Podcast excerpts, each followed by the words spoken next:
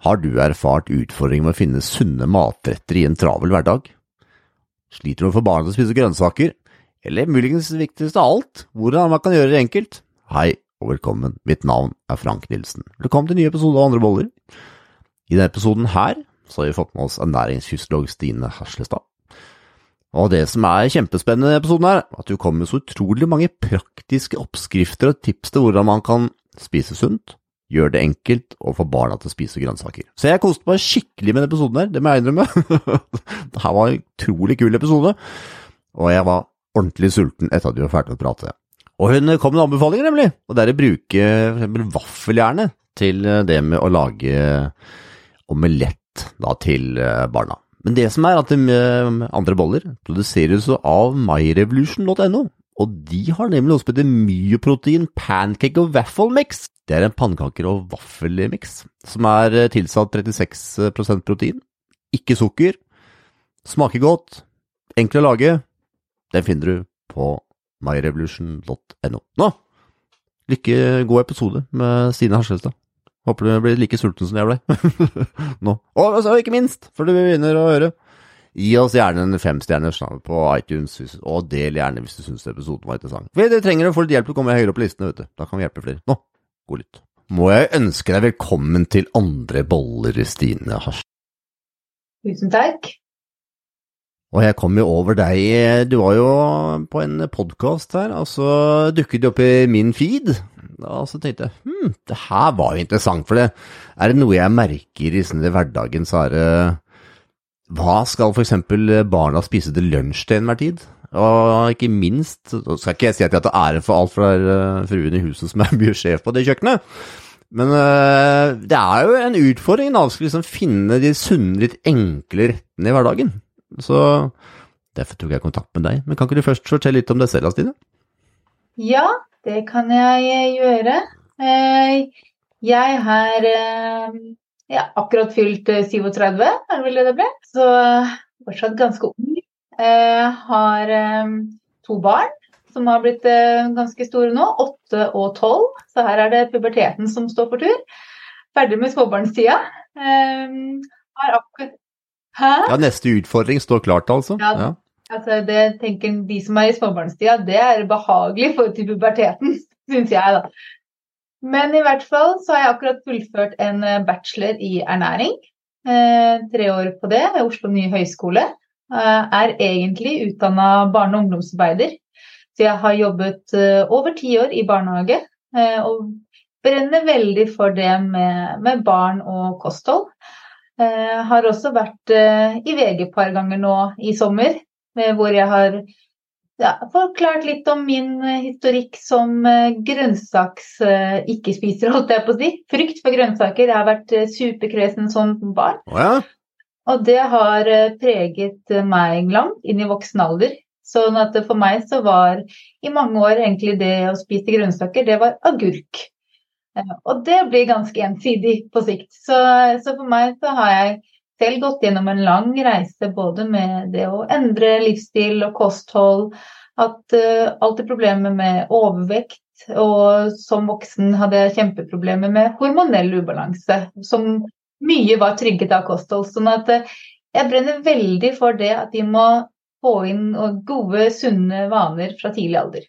Å, det her blir spennende å kjenne deg. Nå gleder jeg meg. Mye å ta tak i. Ja, her er vi litt å ta tak i. Hvor skal vi begynne? Kan vi ikke først starte litt med den grønnsaksskrekken? For jeg tror det er veldig mange barn som er der, og spesielt mange voksne for jeg høre ofte, før i alle fall. Å, er det helt kanin, nå skal du spise som kaninfôr, ikke sant, så hadde du til å opp da. Det er mange som spiser lite grønnsaker. Kan vi ikke, kan vi ikke starte der først? Ja, det som på en måte, Hvis jeg skal se tilbake fra min barndom, og det jeg ser går igjen mye, er jo at barn ikke får nok sjanser til å utforske disse matvarene. Fordi at sånn som jeg, da, fikk jo stempelet kresen veldig tidlig. Og resultatet eller løsningen til mine foreldre var å plukke det bort. Sånn at jeg ble jo ikke eksponert for det. Og det å være kresen eller det å ha en frykt for mat, det er helt vanlig av barnets utvikling. Sånn at når de på en måte bikker rundt sånn halvannen, så går de inn i en fase som er helt normalt, om at de blir mer skeptiske til matvarer. Det at de helst ikke vil at matvarene skal mikses. De vil ikke at uh, altså Den ting du likte i går, kanskje ser annerledes ut i dag, og da vil de ikke spise den. Helt vanlig. Kjenner, kjenner til den der. Kjempefrustrerende. Og så blir man som forelder litt sånn ah, hva gjør du ikke litt, Stine. Man blir ikke litt sånn. ah, I dag igjen! og da er det jo veldig lett at man kaster inn håndkleet. At man tenker nei, det her har jeg ikke tid til, det her orker jeg ikke, nå, du må spise. Sånn at det letteste er å finne en rask løsning. Og så tenker man ja, men det går fint.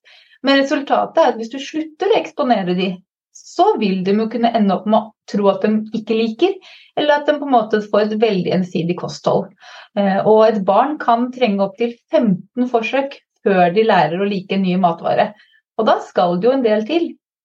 Sånn at, og f.eks. når det gjelder grønnsaker, da, så er jo mange grønne.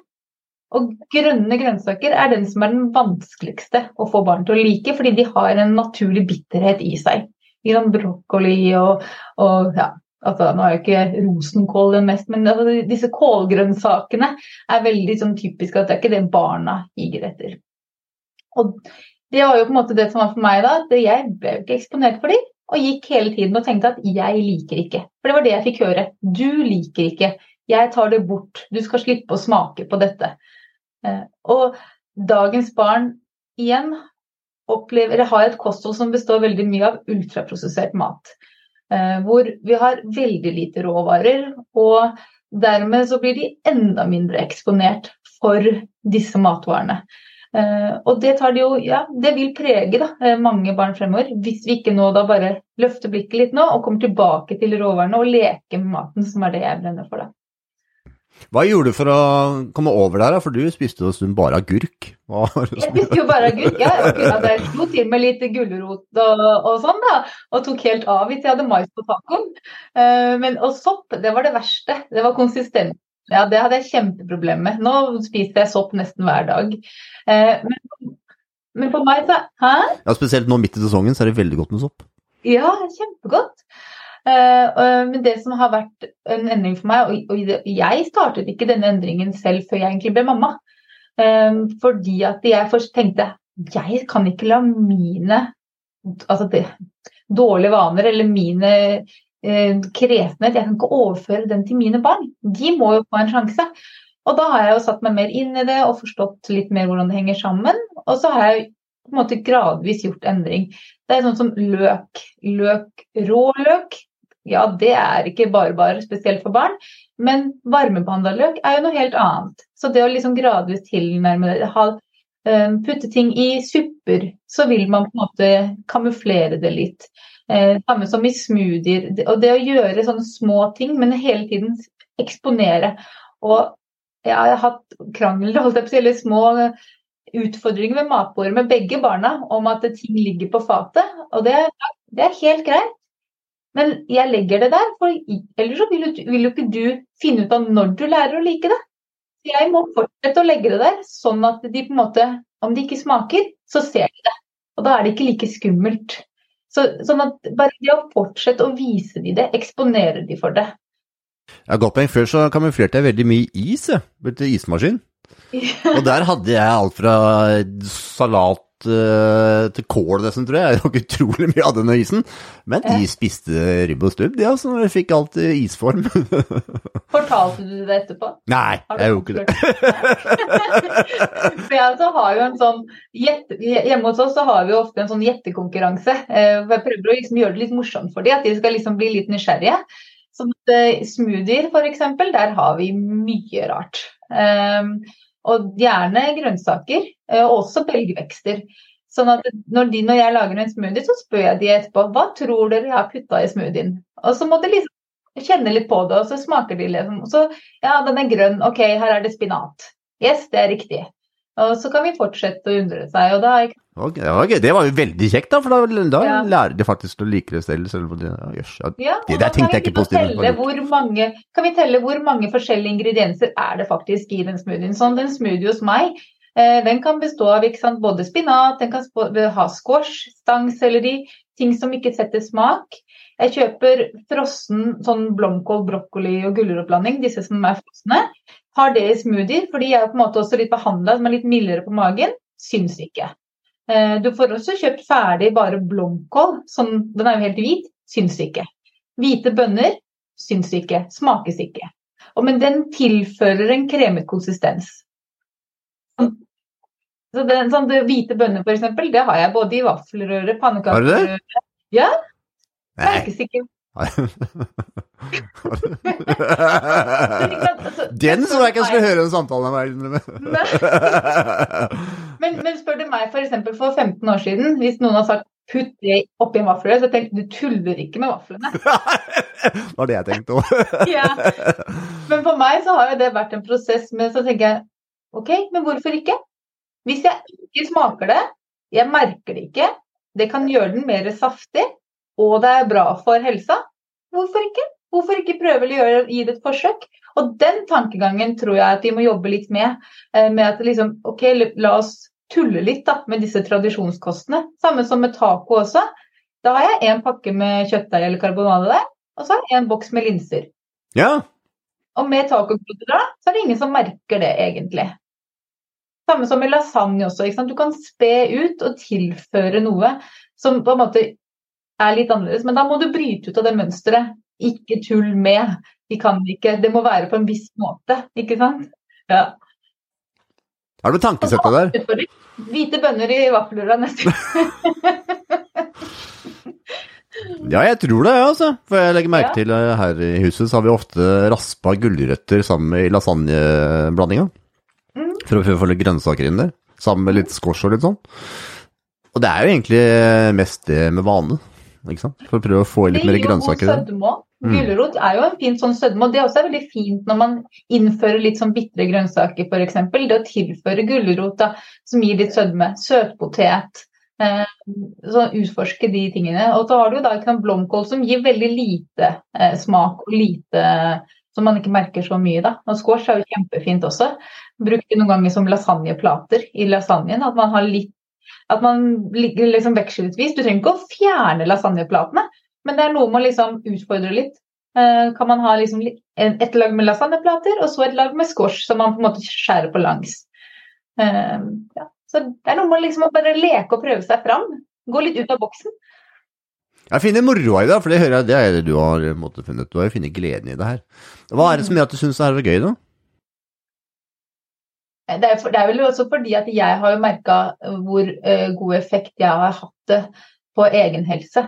Uh, når på en måte jeg har, har jo hatt en barndom hvor jeg har slitt med, med vekt, hvor jeg har slitt med energinivå. uh, masse sånn uro i magen, luftplager, magesmerter. Var, altså jeg bodde på legekontoret som liten med ørebetennelse, det er ikke mye sykdom. eh, Og det ser man jo eh, hos mange barn også. Lavt immunforsvar, mye sykdom, mange uforklarlige vondter, eh, konsentrasjonsproblemer, søvnvansker. Det er mange sånne ting som man kan ta tak i, hvor jeg tror mye kan gå tilbake til kost og livsstil. Og at det er der vi skal begynne før vi skal drive med medisin. Det samme er jo det var jo en artikkel nå sant, hvor, hvor det har eksplodert eh, av bruken av avføringsmidler og barn. Og eh, hvor altså, grafen går bare rett opp. Og det tenker jeg jo handler mye om at det er enkelt for en lege eh, å skrive det ut, istedenfor å gå inn i dybden til hvordan er det med kostholdet. Hva spiser barnet ditt? Får de i seg nok fiber?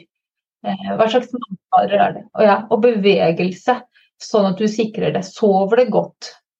Sånn at ja, altså vi må, helsevesenet kommer ikke til å takle hvis ikke vi gjør noe nå. Så vi må trøkke på bremsen, og så må vi gå back to basic. Ja, det er, det er i naturen. Der finner du på en måte alt. da. Hvis du er litt treg i magen, så er det noe å spise, så kommer det på en måte for kjapt ut av det. Ikke sant? Vi har jo vi har blåbær, vi har, vi har liksom mange ting. Det virker som at det, mye av den uh, erfaringen og kunnskapen som vi en gang hadde, den forsvinner mer og mer bort, dessverre, virker det som. For da har jeg liksom gått til legen, og så får jeg medisin, og så Ja, men eh, det barnet ditt, da? Har du hatt en aktivitet hver dag? Eller sitter mye stille foran iPad, eller har du var det spist, ikke sant? Det er litt tregt for magen. Det, det tror jeg er sånne ting vi ikke tenker så veldig mye på, det er at eh, magen er jo helt uh, ja, Altså det er jo en nødvendighet med bevegelse, og at tarmene på en måte skal, for, liksom skal fordøye denne maten på ordentlig måte. Da. sitter mye stille, så vil jo på en måte spesielt barn få veldig plager og fordøyelse. Men det er sånne ting vi tror jeg kanskje er kunnskap for mange òg, som er litt borte. At vi tarmene trenger faktisk bevegelse for det skal funke ordentlig. så ser vi jo hvordan det øker sant, med mentale utfordringer hos mange. Angst, depresjon. Og, og hjernen og tarmen er så kobla sammen at hvis det er ubalanse i tarmen, så setter det seg også veldig oppe i topplokket. Det er kjempeviktig. Altså det, vi, vi, må eh, løfte fokuset på det. Og jeg skulle ønske at når du gikk til legen, at hvis legen ikke føler seg kompetent nok til det, at istedenfor å skrive ut en resept på noe, så heller veilede den til personen eh, som kan hjelpe. Sånn at vi får inn de gode vanene tidlig. Bevegelse, frisk luft, sollys, altså døgnrytme, skjermtid. Det er så mange andre ting som vi kan ta tak i. Eh, og, kan, og, og hvis du tar en pille for det, så har du egentlig ikke avdekket problemet eller gjort noe med problemet. Så det er kjempeviktig at vi snakker mer om det. Mm. Hva er din tanke om kesam? For er sånn, det er en sånn ting jeg er litt fan av. Uh, og jeg har barn som er ni og seks år. Og jeg syns jo kesam eksempelvis, som har ganske mye proteiner i seg, uh, det samme f.eks. frosne blåbær eller sammen noe bær, gjør ganske godt sånn mellommåltid. For det er, jo, er det ikke 350 kalorier eller sånt nå i en sånn uh, kesam, jeg husker riktig? Er det den originale du tenker på? Ja, ja den med vaniljesmak. Ja. Mm. Uh, og den gir jo på en måte sånn fin energimåltid, men det er, jo, det er, jo, på en måte en prosessert mat, da. Hva tenker du om det? Mm.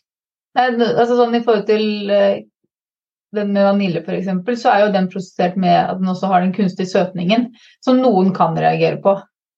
Uh, men, men, jeg tenker jo at her er det jo typ alt med måte, men skal du tenke sånn på til tarmen, så kunne det vært supert å lurte inn litt kefir f.eks eller litt sånn naturell yoghurt. Sånn at eh, eh for til ungene mine, da, når de til frokost, så har de som regel kjøleskapsgrøt. Eh, altså eh, som, For det er kjempeenkelt å preppe. Eh, det lager jeg kvelden før, og det smaker like godt. Og du kan også lage større mengde, sånn at du må liksom ikke lage for ett måltid om gangen. Og da er det sånn, da har jeg jo vaniljeyoghurt, men jeg har også yoghurt naturell. Sånn at vi tar en liten miks av det. Eh, for å på en måte få litt de der um, gunstige um, melkesyrebakteriene som er i naturell yoghurt. Eh. Men her henter jeg eh, melk rett fra kua, vet du, Stine. Å, så gøy. Så Ikke jeg, nå skrøt jeg på meg. Det er ofte fruen som tar med seg. Men så har ikke skrøt det er meg som gjør det. Men da får du på en måte veldig mye melkesyrebakterier der. Men, men, er det ikke forskjellige typer kesam? Jeg tenkte du sa ja, men der er det søtningsmiddel, og jeg er litt sånn at jeg prøver å styre litt unna disse søtningsmidlene. Er det er det det i alle, er det det i alle sammen? Nei, det er jo kun disse vanilje, de som er smakstilsatt så er det vel Nå vet jeg ikke om den, den, den, den altså De kommer jo så mange varianter. og Det er jo det som er, kjenner, det er, det som er litt utfordrende for forbrukere også. Altså Kan de endre en ingrediensliste plutselig uten at de varsler det? Ja. Man får liksom bruke litt tid i butikken på å titte på ting. og det, Jeg forstår at det er utfordrende. Jeg elsker jo det. Det kan jo gå et par timer i butikken. Men det er jo ikke alle. Så Litt, men, men liksom disse originale, disse utene som ikke er smakstilsatt, de er jo på en måte helt plaine. De er jo ikke uten noe. Eh, så det, men så er det jeg, jeg, vil ikke at man skal ha noe sånne der, høye skuldre når man går på butikken heller. Så det er jo liksom alt med måte. ikke sant? Sånn at det er noe med å se på helheten i kostholdet også, ikke bare enkeltvaren. Sånn at hvis, men det som er utfordringen i dag, og spesielt for barn eh, eller familier og, og nordmenn generelt, er jo at vi er vel nesten opptil 70 da, av et barns kosthold består av ultraprosessert mat. Men er det da, vi antar at det er da altså iberegna brødmat? Der er jo brød, f.eks. Ja. Eller polarbrød, som er sånn klassiker for barn. Og polarbrød er egentlig bare en, en flat bolle. Hvis man begynner å når man begynner å se på ingredienslista og se på næringsinnholdet, så er det egentlig bare en pressa bolle. Selv om, jeg, selv om jeg alltid har spist bolle, så har jeg alltid pressa den sammen. Jeg vet ikke hvorfor. Men det er Så det er en annen bolle. ja, det er sant, det. Ja. Sånn, at, sånn at brød er jo, et, er jo nordmenns uh, favoritt. Uh, og ja, og skal jeg se på barna mine sine kosthold, så spiser de brød, men det er faktisk veldig lite. Eh, selv i matpakker så er det veldig lite brød. Da spiser de faktisk mer eh, vafler og pannekaker. Ja, hva er grunnen til at du valgte å gjøre det, da? Det er litt fordi at altså jeg, de, hvis, jeg skal, hvis de spiser brød, så baker jeg som regel selv. Hvordan kan du snakke litt om det, da? For jeg tenker at det er viktig. Nå går vi inn i dybdene her. Åssen ja. brød er det som bare kommer? Ja. Jeg er litt utålmodig av meg. Så jeg liker at det går litt fort. Så selv om jeg liker å være på kjøkkenet, så er det jo begrensa når du har to unger som begge spiller fotball, og som skal eh, møte opp halv fem på en tirsdag og spille bortekamp en halvtime unna.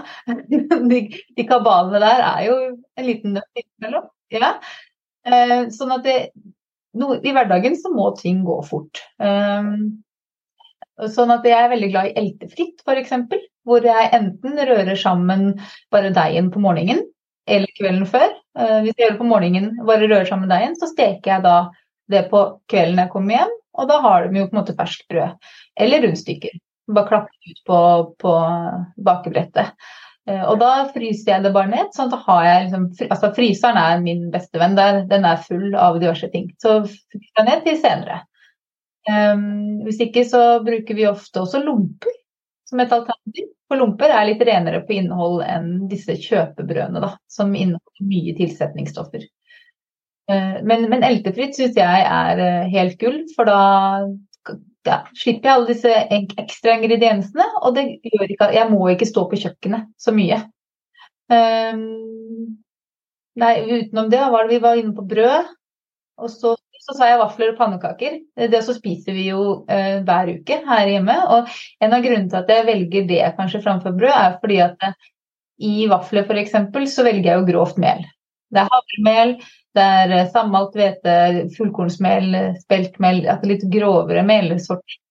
Eh, men i tillegg så har du jo da egg, melk, sånn at det, basen da, denne brødskiva, som egentlig er en vaffelplate, er jo egentlig bedre sammensatt og ikke så karbonhydrattung. Sånn at den metter på en annen måte. Den gir en helt annen sammensetning av måte, og blir liksom ikke bare karbohydrater på karbohydrater.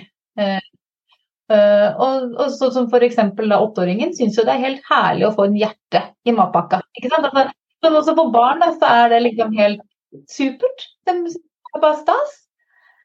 Og så kan det kamuflere ganske mye egg i vafler òg, uten at det liksom ja. smaker så godt. Så det er kanskje fordelen. Ja, Og hvite bønner. ja, hvite bønner. Ja, må ikke glemme de. Men der kan du også ha revet gulrot. Ikke sant? Det er kjempegodt å ha i vaffelrøret.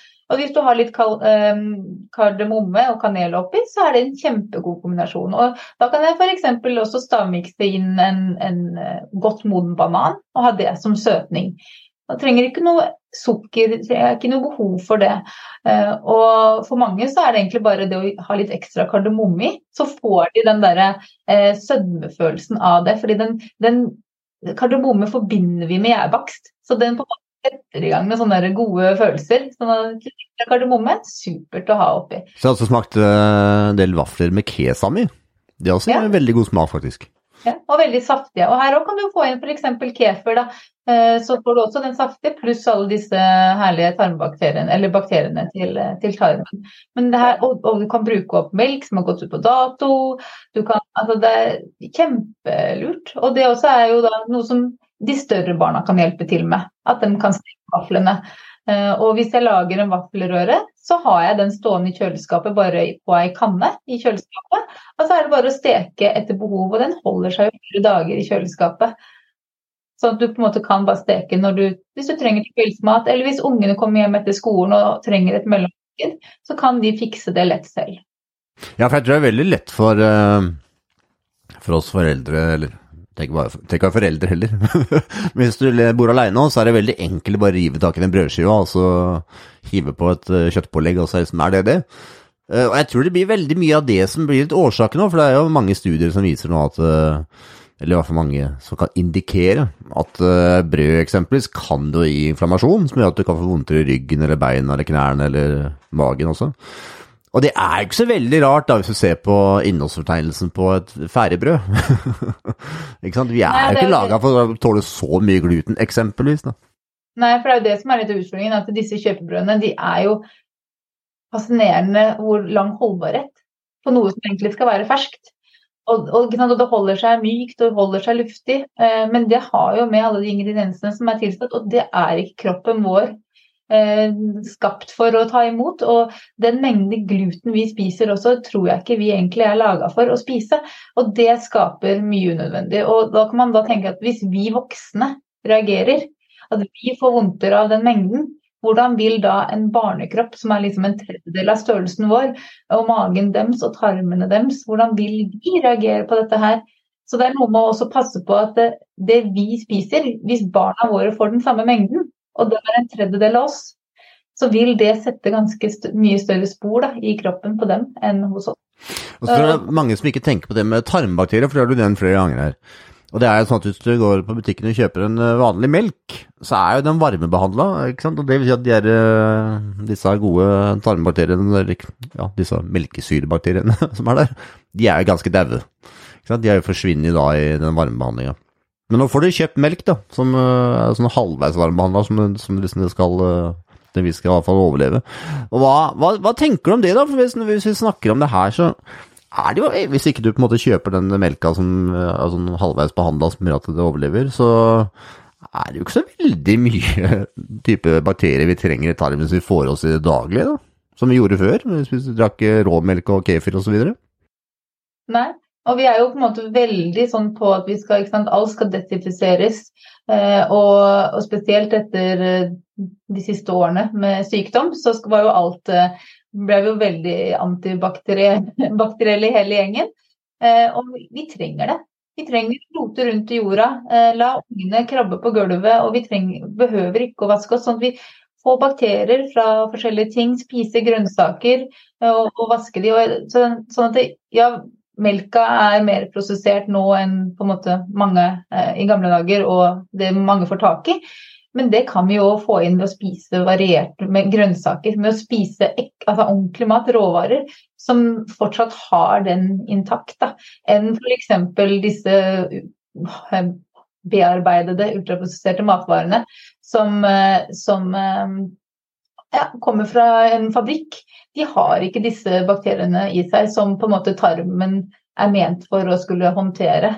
De er sterile eh, og gir ikke den variasjonen. Og hvis et barns kosthold bygger på det, så vil jo ikke de få muligheten til å bygge opp et immunforsvar. Sånn at barn som sliter fra tidlig alder, kan også da få store problemer med det i voksen alder. For de har ikke fått bygget opp det immunforsvaret som de trenger. De har ikke den variasjonen i, i tarmene.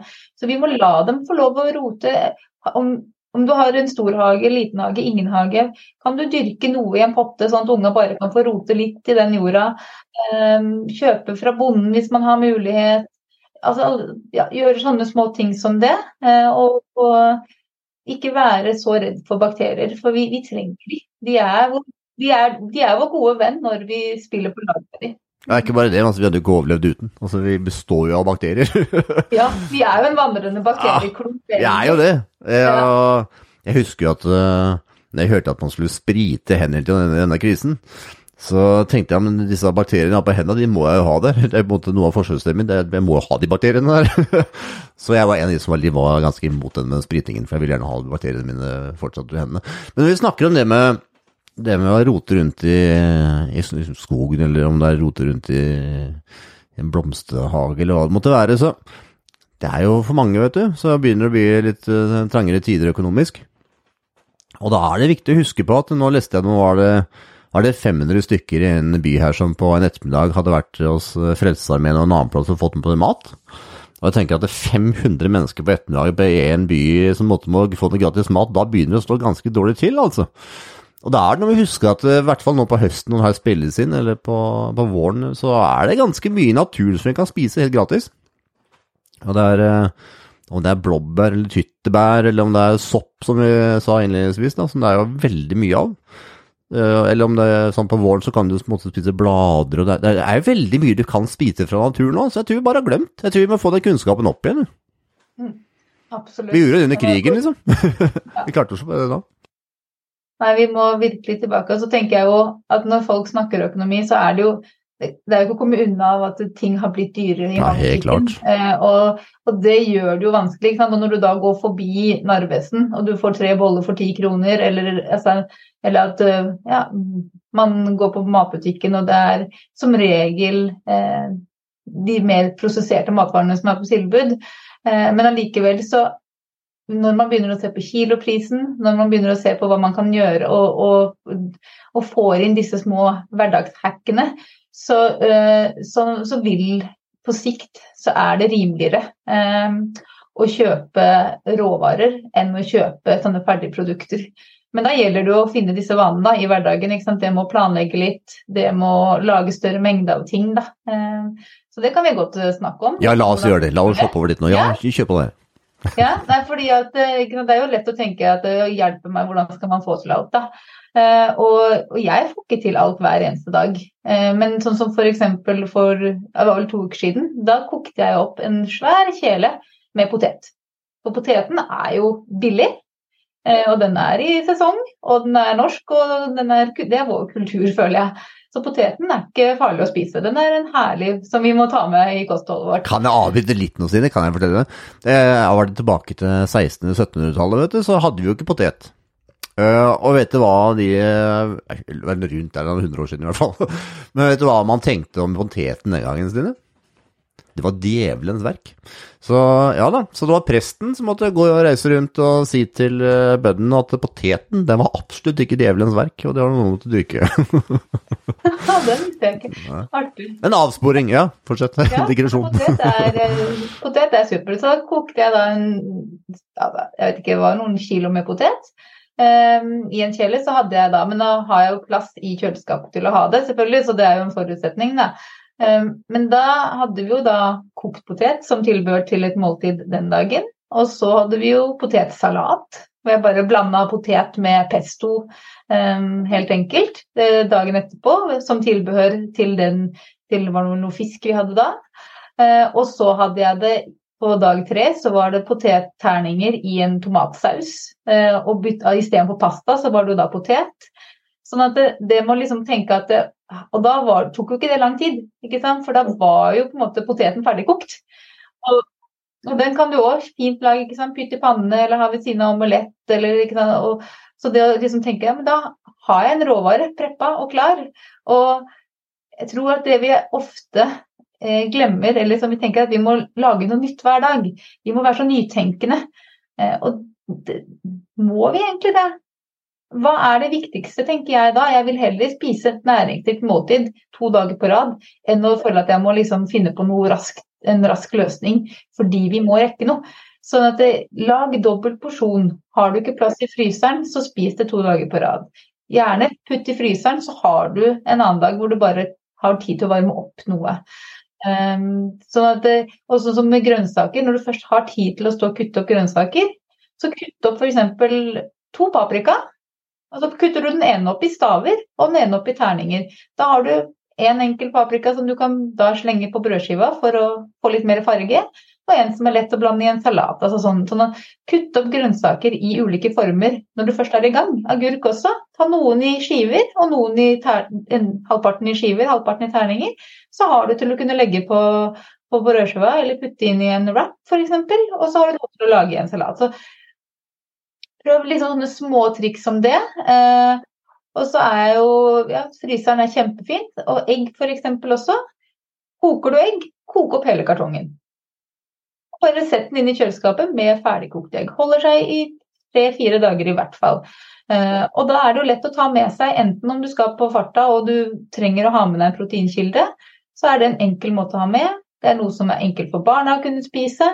Uh, eller å på en måte tilføre til et måltid, om det er kveldsmat, lunsj, frokost, hva enn det skulle være. Uh, sånn at det koker opp hele kartongen når du først er i gang. Og så er jeg også veldig glad i å lage ting i langpanne. At, eh, så lag større ting. Fylle opp langpanna. Det kan være å lage omspakt havregrøt i en langpanne som du kan ha til frokost eller til kveldsmat. Det kan være grønnsaker. Du kan også helle pannekakerøra rett i en langpanne, og så bare skjære det som små eh, brød, så, stykker.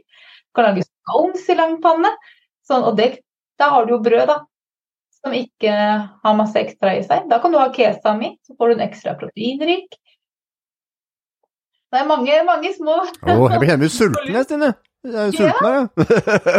Ja, Hva skal du ha til middag i dag, da? Nei, da er det helt uh, nyfiska makrell som skal stekes i pannen. Ja, det er godt, vet du. Og så er jeg medlem av andelsgård, sånn andelsgård, økologisk andelsgård, så da er det økologiske poteter fra andelsgård, og så er det da nystekt makrell. Så det blir godt.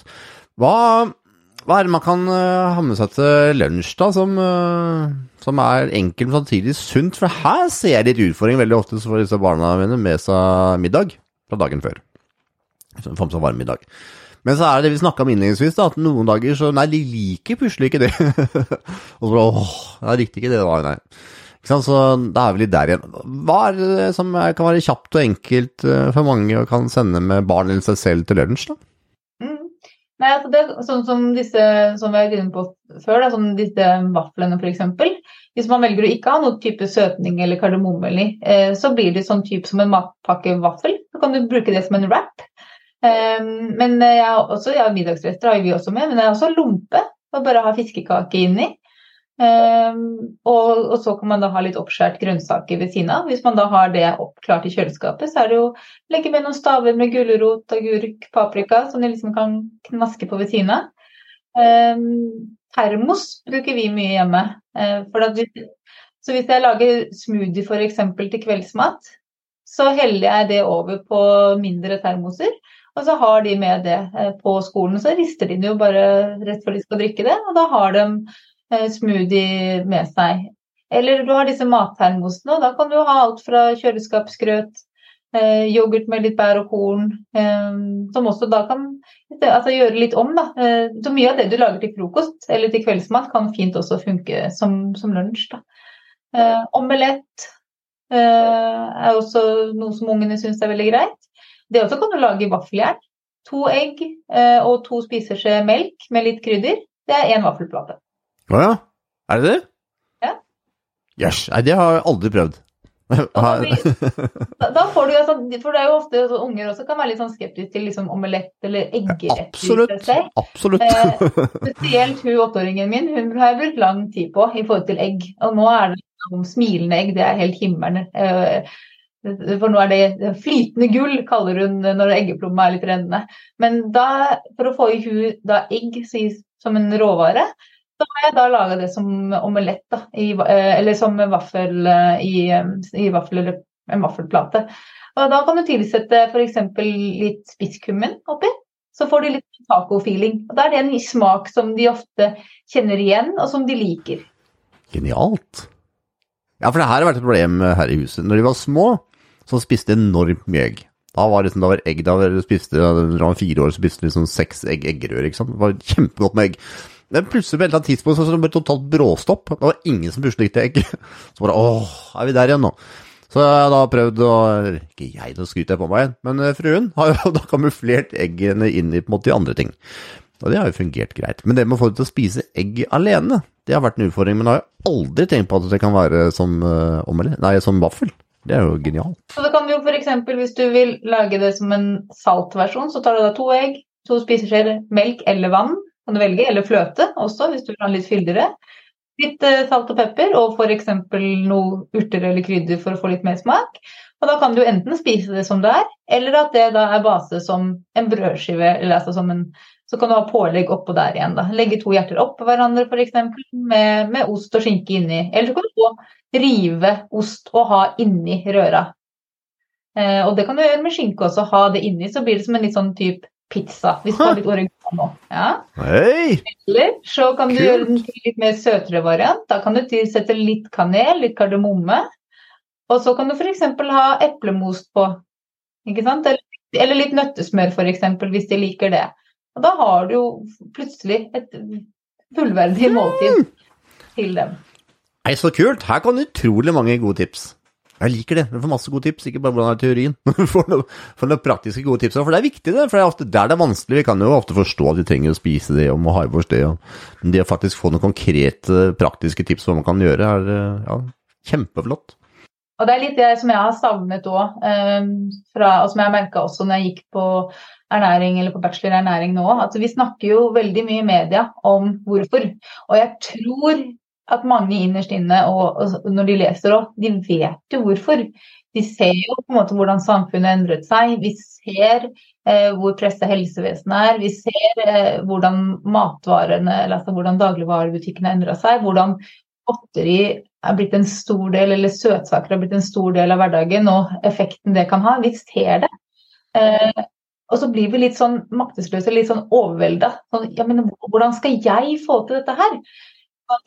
Det jeg brenner for da, er at vi skal ta et steg tilbake og så se på hvordan kan vi få det til. Sånn at vi kombinerer både hvorfor og hvordan. For, for på min del så står jo jeg stødigere i dag nå fordi jeg har både hvorfor og hvordan. Men det har vært en reise. sånn at De tipsene jeg deler nå, det er jo noe som jeg har hatt, altså vært en prosess for meg å komme fram til.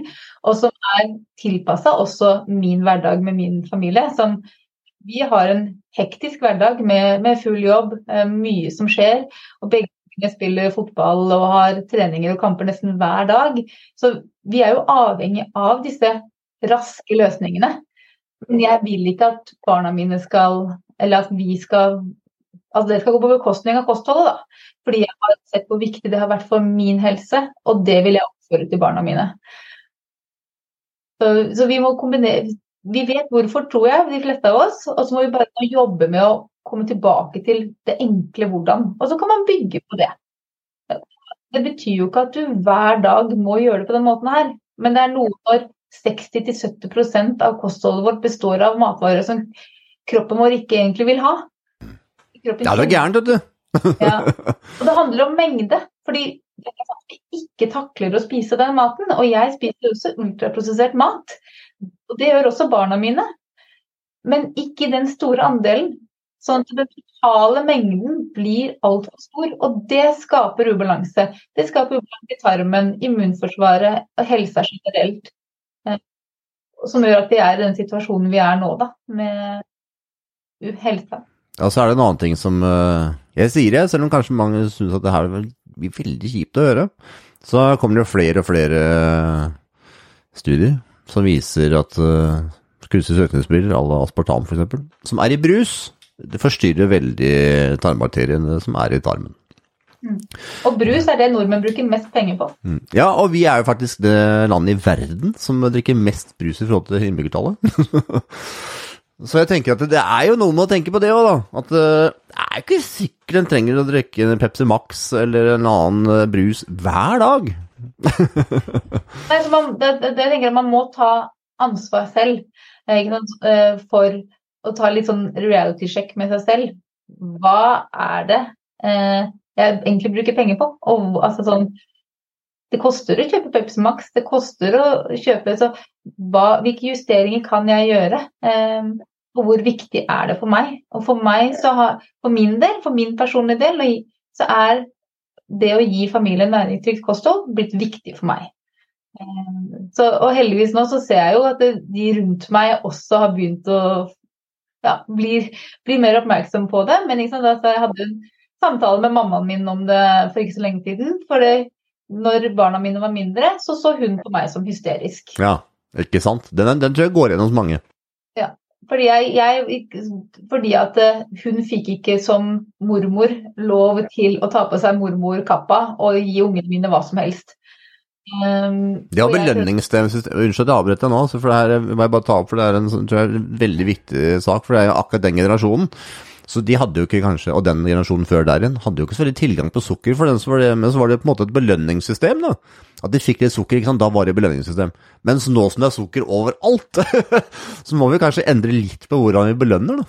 Ikke sant? Det er jo forskjellen der. Og du får ikke den der samme belønningsrushet sånn som man fikk før, fordi nå er det en del av hverdagen. Eh, sånn at du trenger enda mer for å få den belønningen. Og det er det som er utfordringen, at du, du på en måte higer etter noe mer. Og det, også den, den type matvarer i dag er ikke sånn som da foreldrene i gamle dager. Altså de, den, nå er de satt sammen, og de er liksom tweaka og justert til å ha den perfekte kombinasjonen for å trigge sånn at du vil ha mer. Um, du har jo den reklamen til Smash. Det skal godt gjøres å bare spise én. Og det er jo, De har virkelig fintuna inn søt og salt og fett og den kombinasjonen der eh, som gjør at du, ja, du klarer ikke å bare ta den ene, fordi det bare trigger alle lykkehormonene i kroppen. Du bare kjenner på det rushet. Og det rushet må vi få fra andre kilder enn mat. Og derfor kan vi ikke bruke mat som belønning. Vi kan ikke bare måtte kose oss hele tiden, og at det betyr mat. Eller at eh, når man har gjort noe, en bra ting på en fotballkamp, så skal vi belønnes med is. Altså den, sånne, og, og alle vil gjerne være den personen som belønner. Så alle vil ha på seg den kappa. Sånn jeg kjenner at jeg som mamma, jeg må jo ta den bort. Jeg må ta av meg den kappa. fordi at hvis ikke så får jo barna mine det nesten hver dag i en eller annen setning fra noen andre.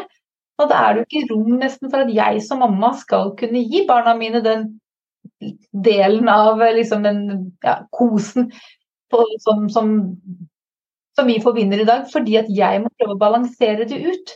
Eh, det er bare det å Går du på Vinmonopolet, så får barna gratis kjærlighet. Går du på, går du på altså, senteret i går, og da gikk det jo noen og delte ut gratis kjærlighet uten at foreldrene har muligheten til å si nei takk, i dag er det jo bare onsdag. Ferie, ikke sant? Og da må vi kose oss. Det er kosetime på skolen før en høstferie fordi de skal kose seg med godteri til 50 kroner. Altså det, har, det er så mange anledninger for å kose seg, og det involverer i matvarer som tidligere ikke var hverdagsmat. Så vi må, og igjen da, og som jeg syns har vært fint, er at nå har da min mamma hun har gått fra å innrømme at ja, jeg så på deg som hysterisk, men jeg gjør det ikke lenger, for jeg ser det, jeg også. Og dit håper jeg at flere kan komme. Vi må løfte blikket, og så må vi se litt utenfor vår egen, eget behov. Vårt behov for å ville gjøre noen andre glad, eller kose seg med, eller belønne. Det handler ikke om det. For i dag så er det så mange anledninger, det er så mye, at vi må trykke på bremsen når det gjelder det også. Det, og, og, sånn som når man skal kose seg, som jeg har sagt da til mamma Barna mine elsker bær. De elsker oppskjært melon. De elsker Gi dem heller det. Da får de med seg litt andre godsaker også. Ikke bare en en, blod, nei, blod, blå godteri som det med liten skrift står 'kan gi atferdsproblemer'. det er jo skremmende. Ja, absolutt. Jeg er 100 enig med deg. Altså, mine barn har jo aldri hatt noen rutiner på godteri. For jeg tenker at hvorfor skal jeg innføre det hele tatt? Hvorfor skal jeg innføre brus? Jeg innførte på en måte kambodsja tidlig. Og fordi når de var små, så var det som brus, og de trodde det var brus òg. For jeg hadde på en måte av det der. Helt til de fikk måte, andre barn på besøk og så at det var brus, og bare Da skjønte de at det var ikke brus, det her. De andre barn syntes kambodsja var så godt. Så det er det vaner. Det er våre holdninger som sitter i der. Det, det, og da tenker jeg, er det våre holdninger, eller er det barnets behov som skal komme først?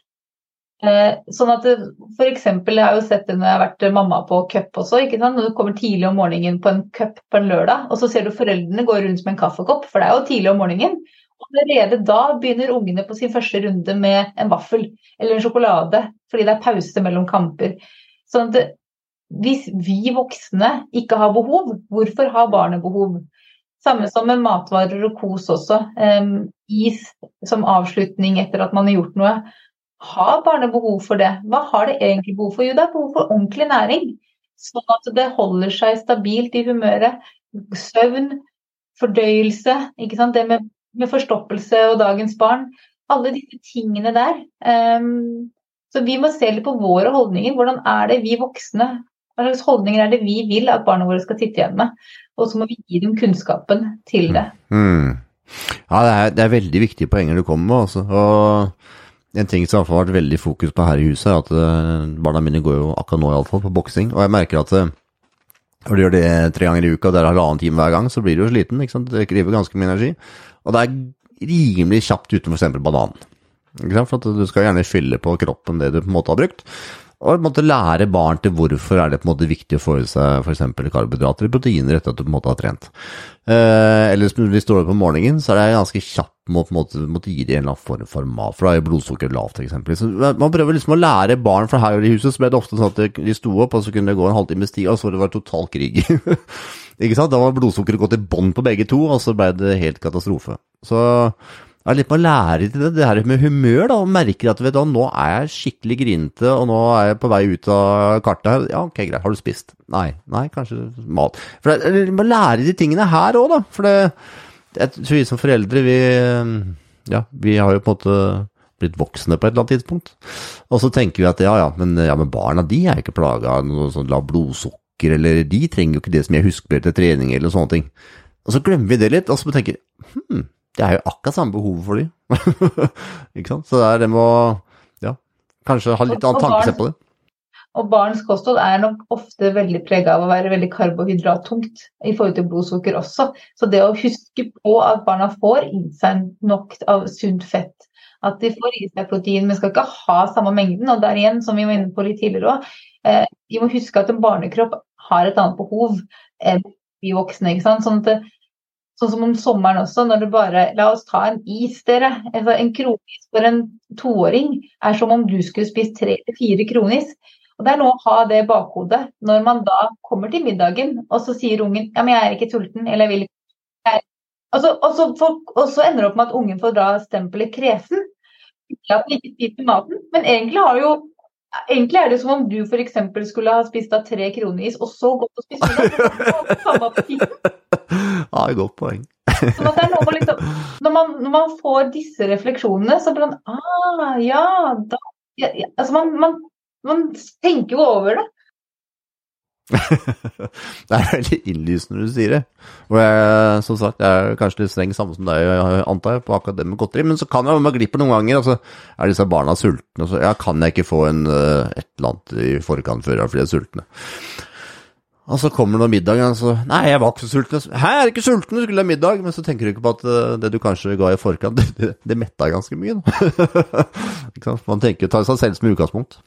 Ja. men jeg tenker det er naturlig, da. Det er jo ja, det er så, Alle gjør vi det en eller annen gang òg. Så, så, vi må Men jeg, jeg, vil bare at vi skal få ned skuldrene og tenke på Og når du da hører podkaster hvor noen sier at det, banan er eh, godteri, eh, ikke sant, fordi pga. sukkerinnhold, så tenker jeg hjelp det. Vi kan ikke drive og si dette til barna våre. Det er noe med å Vi skal spise hel mat. Og en banan er hel mat. Banan er ikke farlig. Samme som med potet også, som på en måte når lavkarbobølgen kom, så liksom poteten ble jo forbannet. Det var jo som om djevelen var tilbake. Men, det er liksom noe, men er vi der, liksom? Altså, ja, potet, vi spiser mye mindre potet nå enn før, men vi spiser mer potetprodukter. La oss heller begynne der. La oss heller begynne med å spise mindre produkter, og heller spise mer råvarer så har vi kommet veldig langt. Eh, og, og når det gjelder barn også, så dagens barn de starter tidlig med bankkort i, i hånda. Og det krever at vi som voksne hjelper de med å få kompetanse om hva er det som er gode alternativer på butikken, hva kan du gjøre når du går rundt og kjenner på en sult. Eh, og jeg husker jo når jeg gikk denne runden her med tolvåringen min, og han fikk bankkort for noen år siden, og da sier jeg at du kan kjøpe én banan på butikken. Du trenger ikke å ta en klase. Det er lov å rive av og ta én banan. Gjerne ta en banan som ligger der alene, for vi er veldig opptatt av matsvinn her hjemme. Så ta gjerne hvis du finner og kan redde den en, ensomme bananen. Og så kan du kjøpe en pose med nøtter. Koster like mye som mange av disse andre produktene. Og da kan jeg se eh, noen fra klassen hans f.eks. gå rundt med en Monster og en pose med nachos. Og da tenker jeg jo at vi, vi, har, vi har, en jobb å gjøre fremover for å hjelpe barn med å liksom vise de disse små, enkle løsningene. Ja, det skremmer meg, altså. Barn som spiser, drikker så mye energidrikk, det skremmer livskiten av meg. altså Hva som blir konsekvensen av det på nervesystemet på lang sikt, det er jeg spent på.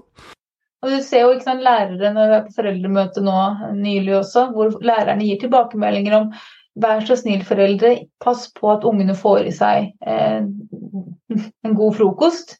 Eh, at de, at de, for de klager fort over at de er sultne, de er ukonsentrerte. Eh, og også at matpakkene inneholder nok næring til å holde på konsentrasjonen gjennom dagen. Eh, det er også elever som sliter med søvn fordi de ligger på Netflix til halv ett om natta. Eh, I forhold til det å sette grenser for dagens barn.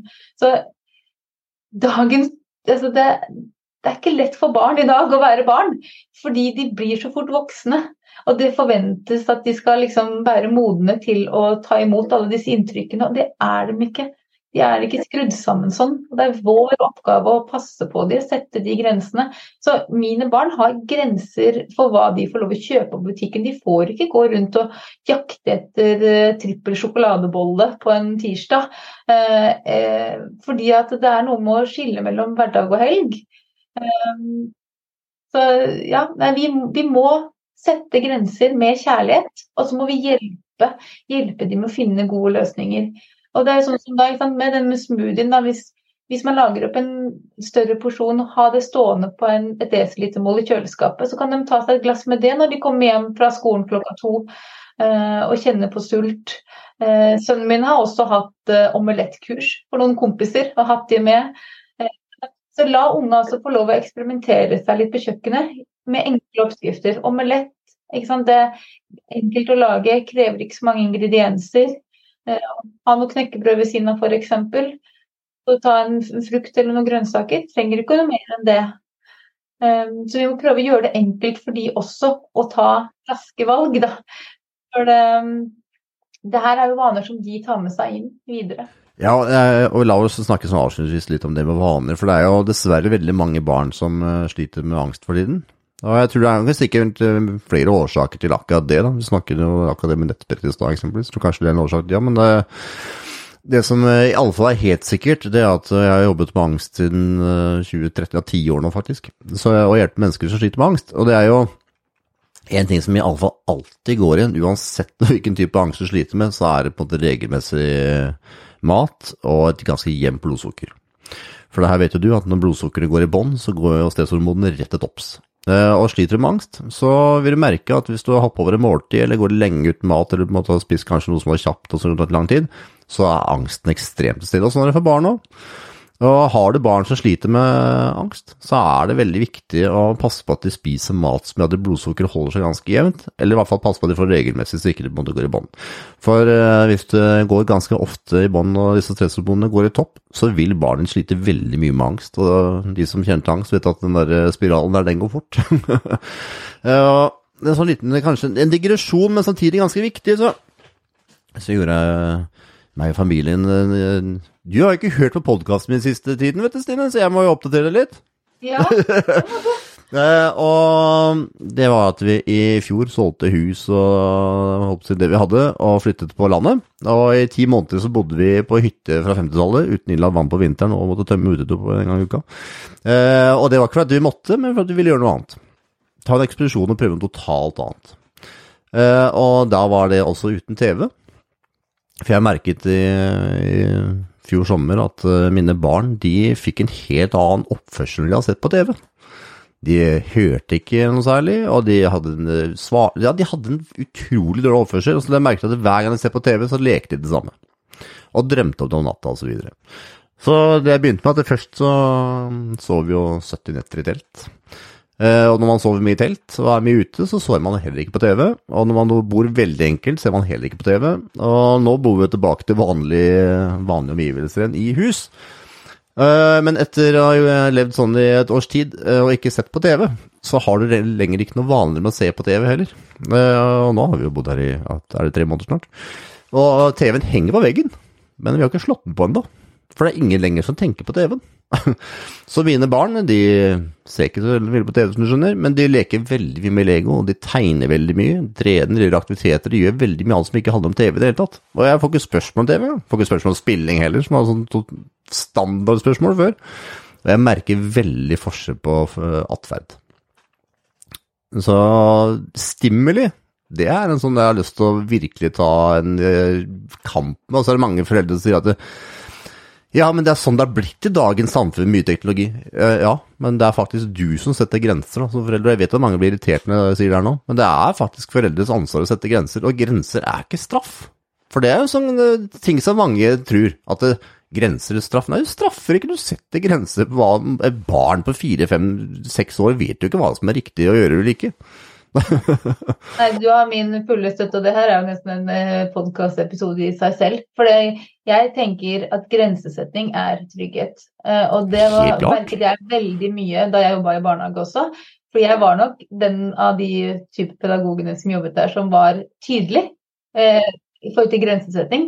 Eh, de visste, ungene visste hvor de hadde meg, de, eh, og hva jeg mente eh, om ting. Men allikevel så var jeg så trygg for dem. Nettopp fordi at de, de, visste at de kunne stole på meg, og de visste at, eh, at jeg støttet dem, og at det, det, var deres beste jeg hadde i fokus når jeg satte grenser. Eh, og, og, mm, det med skjerm og sånn også, det har vi kjempefokus på her hjemme.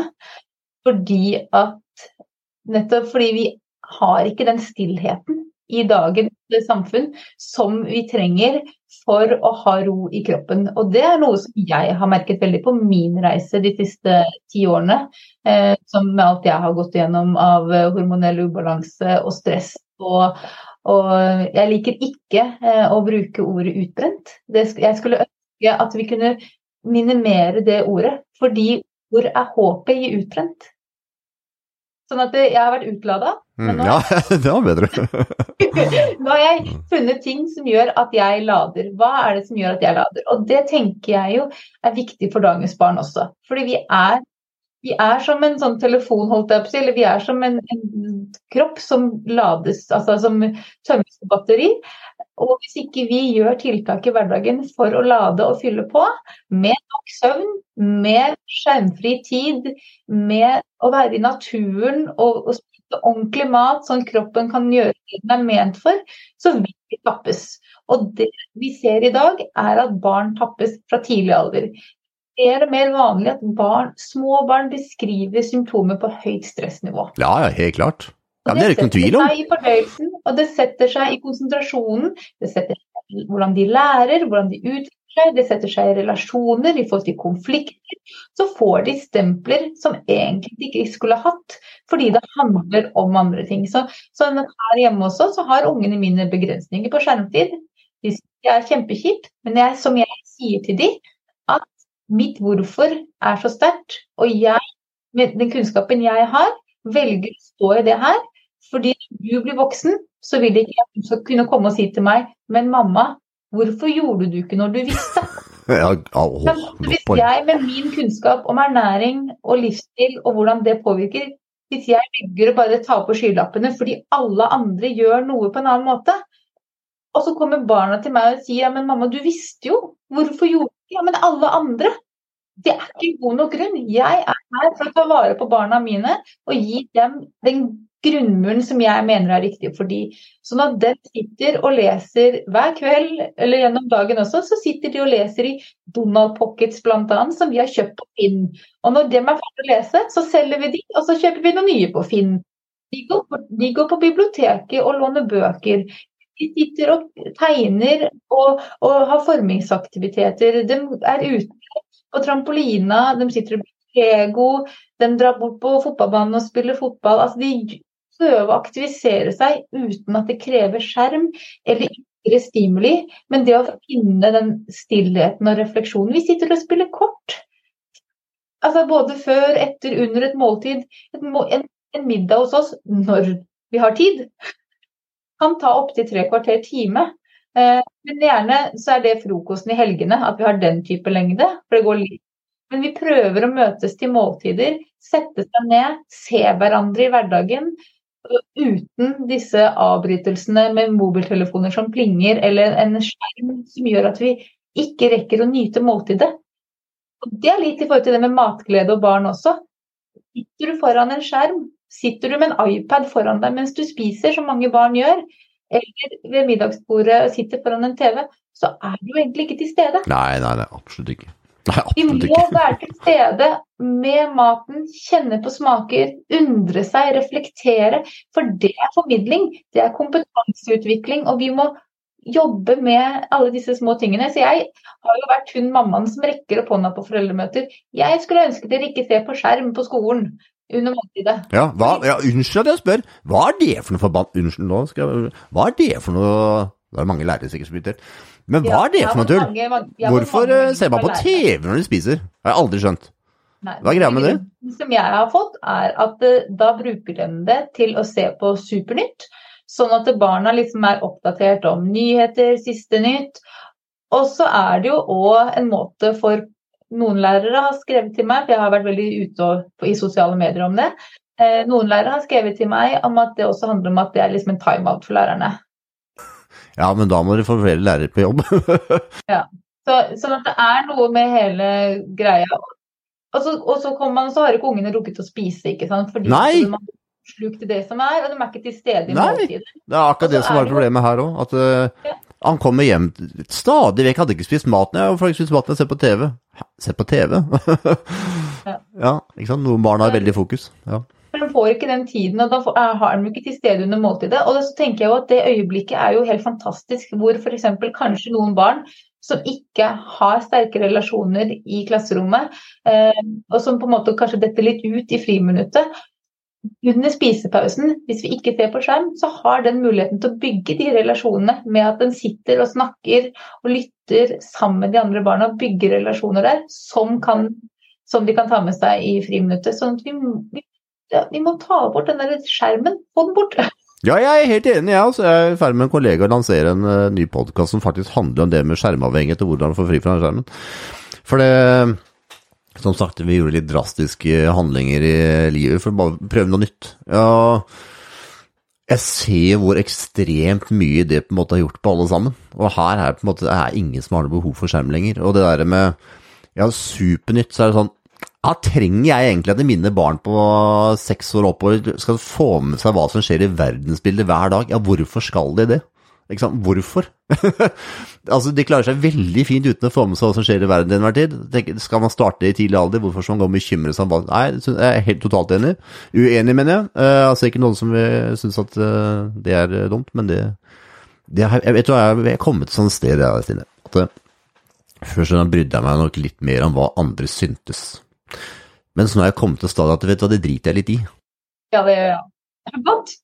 Ja, men det er det. For at det er sånn uh, Ja, kall meg gjerne hysterisk, eller at jeg Men jeg liker føre-var-prinsippet litt tilbake til det gode gamle, og man ser da responsen på sine egne barn opp av seg selv. Så er jeg i alle fall enda mer sånn, det er drittlig hva du sier. Men hvis du gjør noe totalt annet og syns at det er greit, så gjør det. Men hvis du nå føler deg litt sånn truffet og blir litt irritert av at du hører uh, det du hører, ja, kanskje traff på en eller annen nerve der, da. ikke sant? Eller kanskje de traff på nerve her. Altså, reflekter litt over, da. Ja, levealderen har gått opp. Men er kvaliteten bedre? Nei, den er jo ikke det. Vi spiser lykkepiller som aldri før, jo. Ja, sånn at det, ja. det er sånn som eksempel jeg da, som har gått på en lang reise med hormoner som var på ville veier, eh, og fått oppfølging og hjelp av det. Men jeg fikk jo ikke noe hjelp, fordi den eneste løsningen som var fra gynekologen min f.eks., Mm, var mm. p-piller. Ja. ja, ikke sant? Fastlege, Verken fastlege eller gynekolog satte seg ned, så på meg og spurte men Stine, hvordan har du det? Mm. Hvordan er livsstilen din? Mm. Hvordan er kostholdet ditt? Hva spiser du? Mm. Ingen spurte meg om det. Og hadde jeg hatt den kunnskapen jeg har nå, så Mm. hadde ikke jeg måttet gå gjennom alle de tingene jeg gjorde. Mm. Og jeg trodde jo ikke at jeg skulle bli gravid med det siste barnet, fordi jeg, det var ingenting å gjøre Mm. fra gynekologen sin side. Men det var jo mye var jo kosthold og livsstil som var årsaken til det.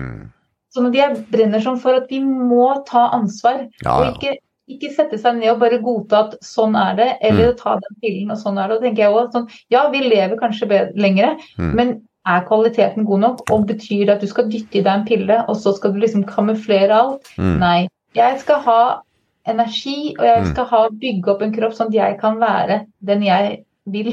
og ha det, altså, Ja. være bevegelig, være fleksibel i hverdagen. Mm. Og, og sunn og sterk Mm. på en naturlig måte, ikke Mm. styrt av piller. Mm.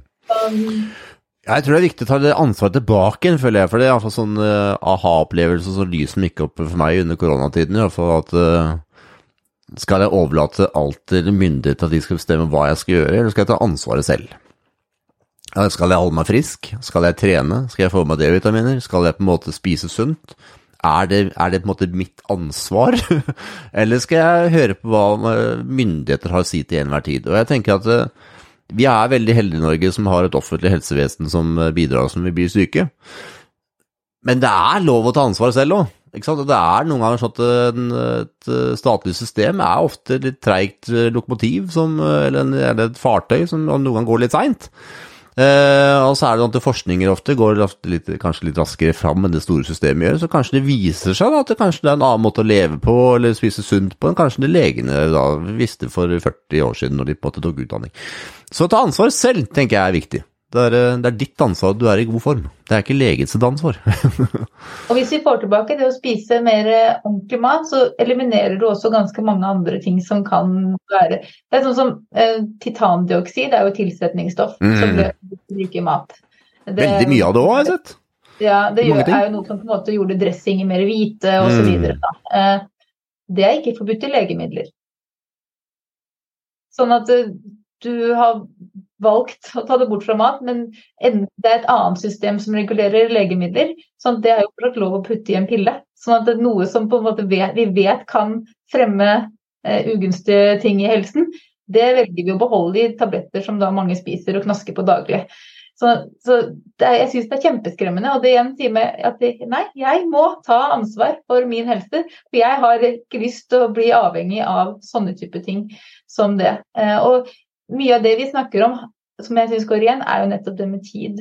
Så må, folk må gå litt inn i seg, sånn for å oppsummere det, og se litt på tiden sin. Eh, se litt på telefonen din. Hvor mye skjermtid har du hver dag? Hvor mye skjermtid har barna dine? Barn elsker ansvar. Kan noe delegeres til barna for å lette din hverdag?